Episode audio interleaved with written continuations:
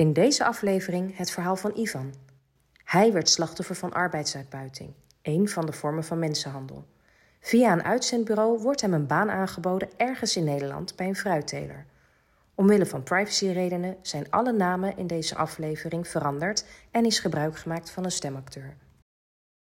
Ik kom uit een klein plaatsje in Bulgarije.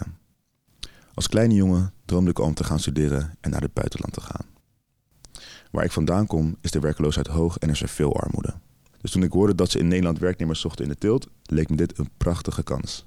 Met mij was bij het uitzendbureau in Bulgarije toen de afspraak gemaakt dat ik in Nederland bij de kweker 57 per uur zou verdienen. En dat daarvan dan 2,50 wordt ingehouden voor het verblijf. Dus ik zou dan zo'n 5 euro per uur overhouden. Voor Nederlandse begrippen is dat weinig. Maar het was meer dan wat ik in Bulgarije zou verdienen. Waar ik vandaan kom is sowieso weinig werk. Dus ik vond dit een mooie kans. Ik had het geld hard nodig, want ik wilde ervan gaan studeren, eh, want mijn ouders konden dat niet betalen. Als ik dit werk dus een tijdje zou doen, zou ik genoeg gespaard hebben om een studie te kunnen doen.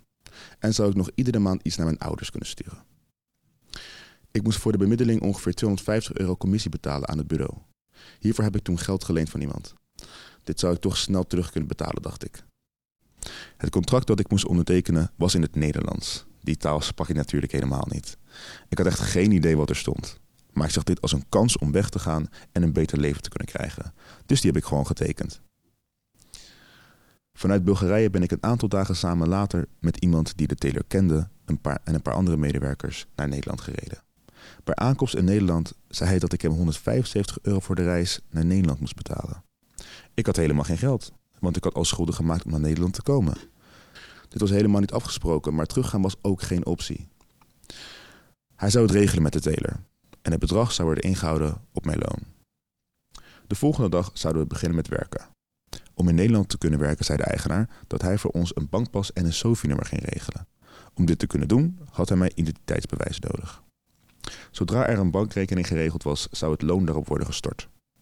Het bankpasje en SOFI-nummer zijn nooit geregeld. Daar had hij altijd weer een reden voor. Ik kreeg zo nu en dan een voorschot op mijn salaris. Alle uren die ik werkte hield ik wel bij in een boekje. Het werk was ook fysiek zwaar. De eerste dagen had ik zo'n spierpijn dat ik bijna niet meer normaal kon lopen.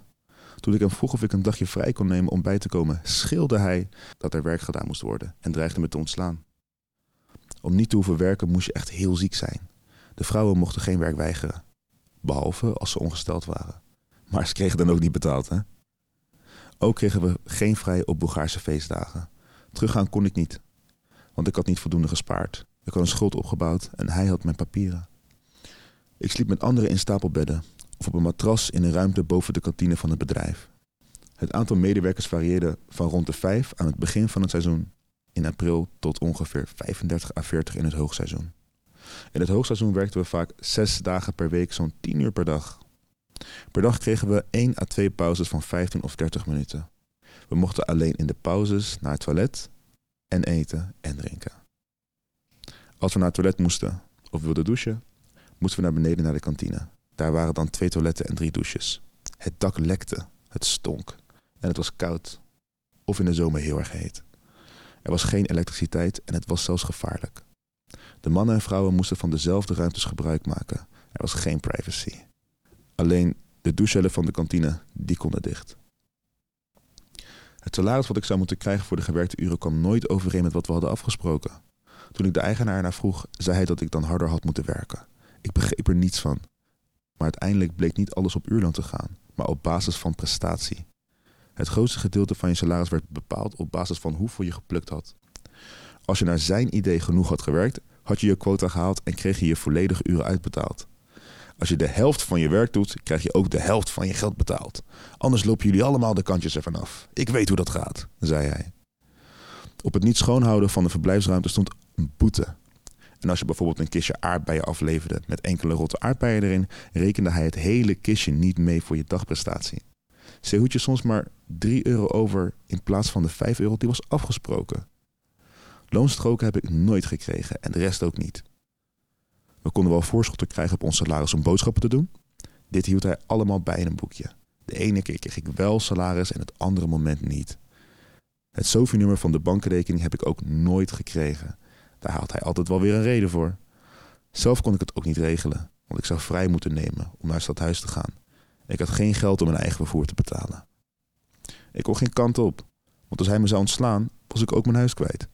Ik had geen idee hoe ik terug zou moeten komen zonder geld en papieren. In Bulgarije had ik ook schulden opgebouwd. En ik was bang dat het salaris dat ik nog zou moeten ontvangen niet zou krijgen. Uiteindelijk is er door een van de medewerkers aangifte gedaan bij de politie. Hierna is er een inval gekomen en werden we verhoord. De verdachte is veroordeeld voor arbeidsuitbuiting. Ik ben hierna teruggegaan naar Bulgarije, maar ben inmiddels weer in Nederland. En nu een gewone baan waar ik gewoon netjes betaald krijg. De podcastserie Samen tegen Mensenhandel is gemaakt door GGD Haaglanden in opdracht van de gemeente Den Haag. In samenwerking met Shop, AFIM, Comencia, Stevig en het Openbaar Ministerie voor de Haagse Week tegen Mensenhandel. Wil je meer weten over mensenhandel? Kijk op mensenhandelhaaglanden.nl.